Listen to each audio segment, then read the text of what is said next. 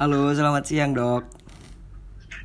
Iya, Iya, perkenalkan dok, nama saya Sarah, mahasiswa dari Unisula. Eh, sebelumnya mohon maaf ya dok ya mengganggu waktunya banget, eh, mengganggu waktu kerjanya dokter juga. Eh, mungkin langsung saja ya dok ya, 10 menit ya waktunya ya dok ya eh, mengambil waktu dokter sebentar. Eh, gimana dok kabarnya hari ini gimana? ya. Ya, alhamdulillah Heeh. Untuk gambaran kondisi di Semarang sendiri gimana dok Eh, untuk pandemi COVID-19 ini dok? Ya, untuk Semarang sih eskalasinya tetap eh, naik ya meskipun apa namanya sudah ada upaya-upaya untuk me- menekan tapi ya yang jelas eskalasinya masih naik kemudian yang kedua yang memang bagian kita semua sih ketika beberapa teman sejawat Mhm. eh, pada pemeriksaan screeningnya didapatkan hasil positif Oh Jadi begitu ya yang ya. tentu saja menjadi perhatian kalau hal yang eh, kita perlu waspadai artinya kondisi kondisi asimptomatis ini ternyata cukup banyak gitu Oh iya. artinya penderita eh, yang terinfeksi COVID-19 asimptomatis di lapangan sudah banyak ditemukan. Hmm, berarti berarti untuk kondisi Semarang sendiri masih bertambah terus ya dok. Ya, Kemudian apakah ada potensi kekurangan tenaga atau fasilitas alat medis untuk di Semarang sendiri dok? Konteks kekurangan dalam artian eh, ketersediaannya memang masih ya masih kurang. Jadi artinya begini, kita kan selalu mem- mem- mencoba untuk memperhitungkan eh, saat ini kita belum tahu ya sampai kapan ini Iya. selesai. Iya benar. Kemudian yang kedua, kita kan selalu mempertimbangkan dalam hitungan ketersediaan itu kita mampu sampai bertahan berapa lama. Oh iya benar benar benar. Konteks kekurangannya adalah seandainya misalnya begini, contoh di tempat kami lah. Hmm. Kami kami kami ber apa ber- memprediksikan bahwa ketersediaan alat kami atau APD kami kurang lebih di satu minggu ke depan. Satu minggu ke depan ya dok ya. Dan satu minggu saat ya Hmm. artinya ketika satu minggu ke depan itu tidak ada supply Iya benar. tidak Sampainya. ada barang datang, Barang datang. tidak ada donasi, Hmm. kemungkinan bisa saja kami akan kekurang apa namanya Kekurangan ya dok ya. kekurangan gitu. APD ya dok ya terutama ya dok ya. Hmm. Hmm. Kemudian eh, ini kan eh, pandemi COVID-19 ini kan dia menyerang paru-paru ya dok ya. Eh, itu setelah misalnya nih dok, ketika kita dinyatakan positif, kemudian ada kerusakan, kemudian sembuh, apa ada kerusakan di bagian paru-parunya dok? Jadi gini, eh, seperti yang mungkin sudah banyak dilansir di Iya. beberapa apa namanya eh, ahli bahwa 80% ini kan sebenarnya ringan.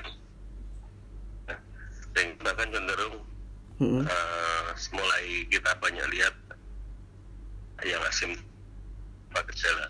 Artinya kalau misalnya pun ini karena dia tanpa gejala, kalau ini sembuh ya tidak akan menimbulkan masalah klinis apa-apa. Oh iya. Yang jadi masalah adalah yang 3 sampai 5 persen ini Hmm. eh, yang menimbulkan masalah klinis, Hmm. yang menimbulkan masalah klinis yang kategori eh, sedang dan berat ini yang nanti menimbulkan permasalahan baik permasalahan klinis maupun dari efek samping Efek samping dari kena virusnya yang itu ya dok ya. terjadi. Dan yang pasti kan bukan hanya di di paru saja ya, Oh iya. karena reseptor S ini eh, reseptor, S ini ada Hmm. di beberapa tempat, Oh. termasuk di pencernaan kita gitu. Oh berarti tidak hanya ke sistem paru-paru pernafasan seperti itu ya dok ya? Iya. Hmm. iya. Nah, kemudian di beberapa tempat yang lainnya kemudian juga memang saat ini yang lebih dominan hmm. dan berpotensi menimbulkan uh, ancaman jiwa itu kan memang yang di paru oh di paru ya dok ya karena dari beberapa ya karena beberapa uh, yang kita baca itu ya jadi seolah-olah oksigen itu nggak bisa diikat. Oleh paru-paru ya dok sama hemoglobin gitu. Hmm, hmm, hmm, hmm, oleh hemoglobin kemudian dan itu juga dia tapi buat ini akan menghalangi proses apa namanya difusi dari oksigen yang ada di paru. Oh iya dok. Benar benar. Sehingga hal ini mengalami jiwa pada pasien yang memang ter, apa, terindikasi COVID atau kontak COVID ya, dengan eh, skala sedang berat. Oh ya, berarti memang potensi untuk kerusakan itu ada, tapi eh, tergantung dari mana pasiennya ya dok ya, seperti itu ya dok ya. Iya itu nggak apa ya nggak cenderung unpredictable ya. Jadi Oh iya. Eh, kemudian eh, tentunya para dokter juga kan sama ya dok ya, seperti masyarakat biasa.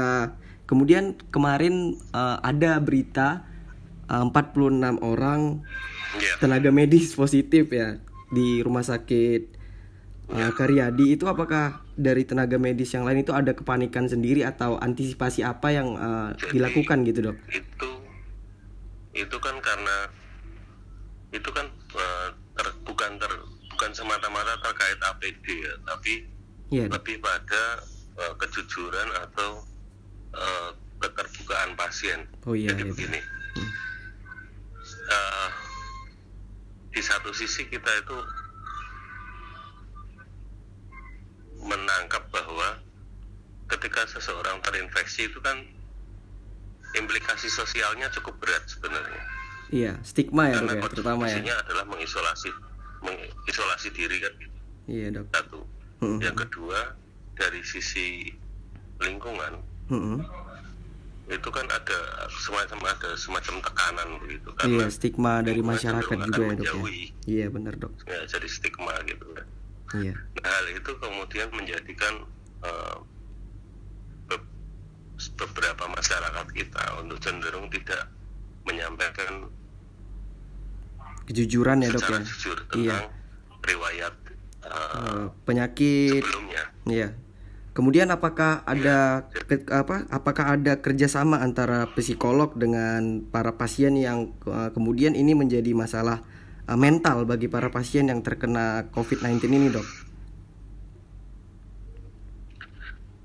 Sebenarnya kalau kalau untuk kaitan kerjasama secara resminya memang tidak ada ya, Iya, dok. Mm. tidak ada. Tapi tapi kan eh, biasanya biasanya misalnya dari kami itu kan berusaha melakukan kontak dengan mereka Mm. dan berusaha untuk me- memberi support ke secara secara personal. Cuman memang sebenarnya kita sangat berharap dari eh, aparatur lintas sektor ya. Artinya Hmm. misalnya dari eh, puskesmas, dari kelurahan, dari RT RW itu yang Hmm. yang kita harap untuk bisa mensupport supaya eh, upaya isolasi ini tidak menjadikan labeling atau stigma Yang buruk ya di masyarakat ya, dok ya.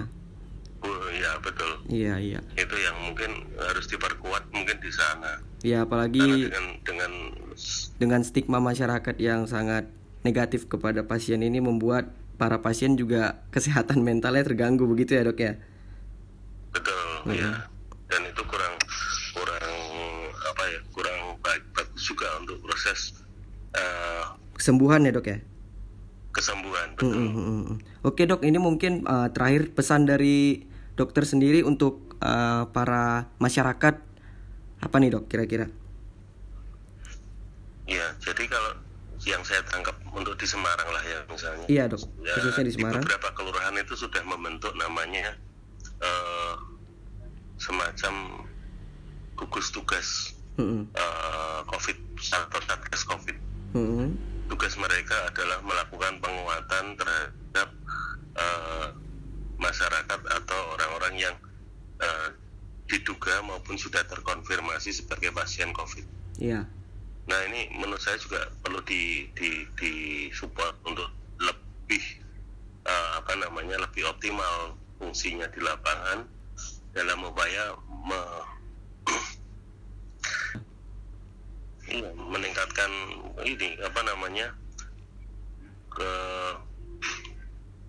kepercayaan diri dari masyarakat. Hmm, hmm, hmm, hmm. Ketika mereka ter stigma negatif tentu Iya. saja akan menimbulkan apa namanya ke tekanan-tekanan psikologis, tekanan-tekanan sosial yang Mhm. tentunya tidak menguntungkan. Iya, sifatnya tidak Supportnya menguntungkan. kan macam-macam ya, Mm-mm. mulai dari pemberian logistik, kemudian juga eh, komunikasi yang baik antara lingkungan dengan orang-orang yang sedang atau pada saat melakukan isolasi di rumah Rumah sendiri, ha.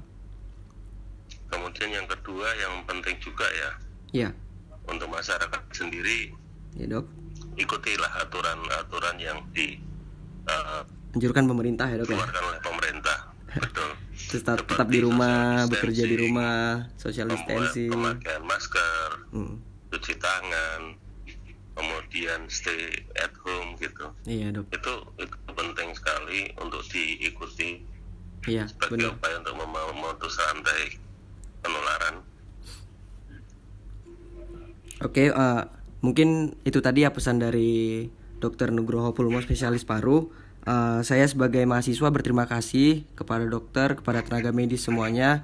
Tetap semangat, tetap sehat. Eh, kemudian jaga diri, dok. Eh, semoga pandemi COVID-19 ini segera pulih. Kita semua kembali normal seperti biasanya. Eh, ucap terima kasih saya, ter- apresiasi tertinggi kepada tenaga medis semuanya ya dok ya. Tetap berjuang. Ya, sel- selamat siang dok. Assalamualaikum.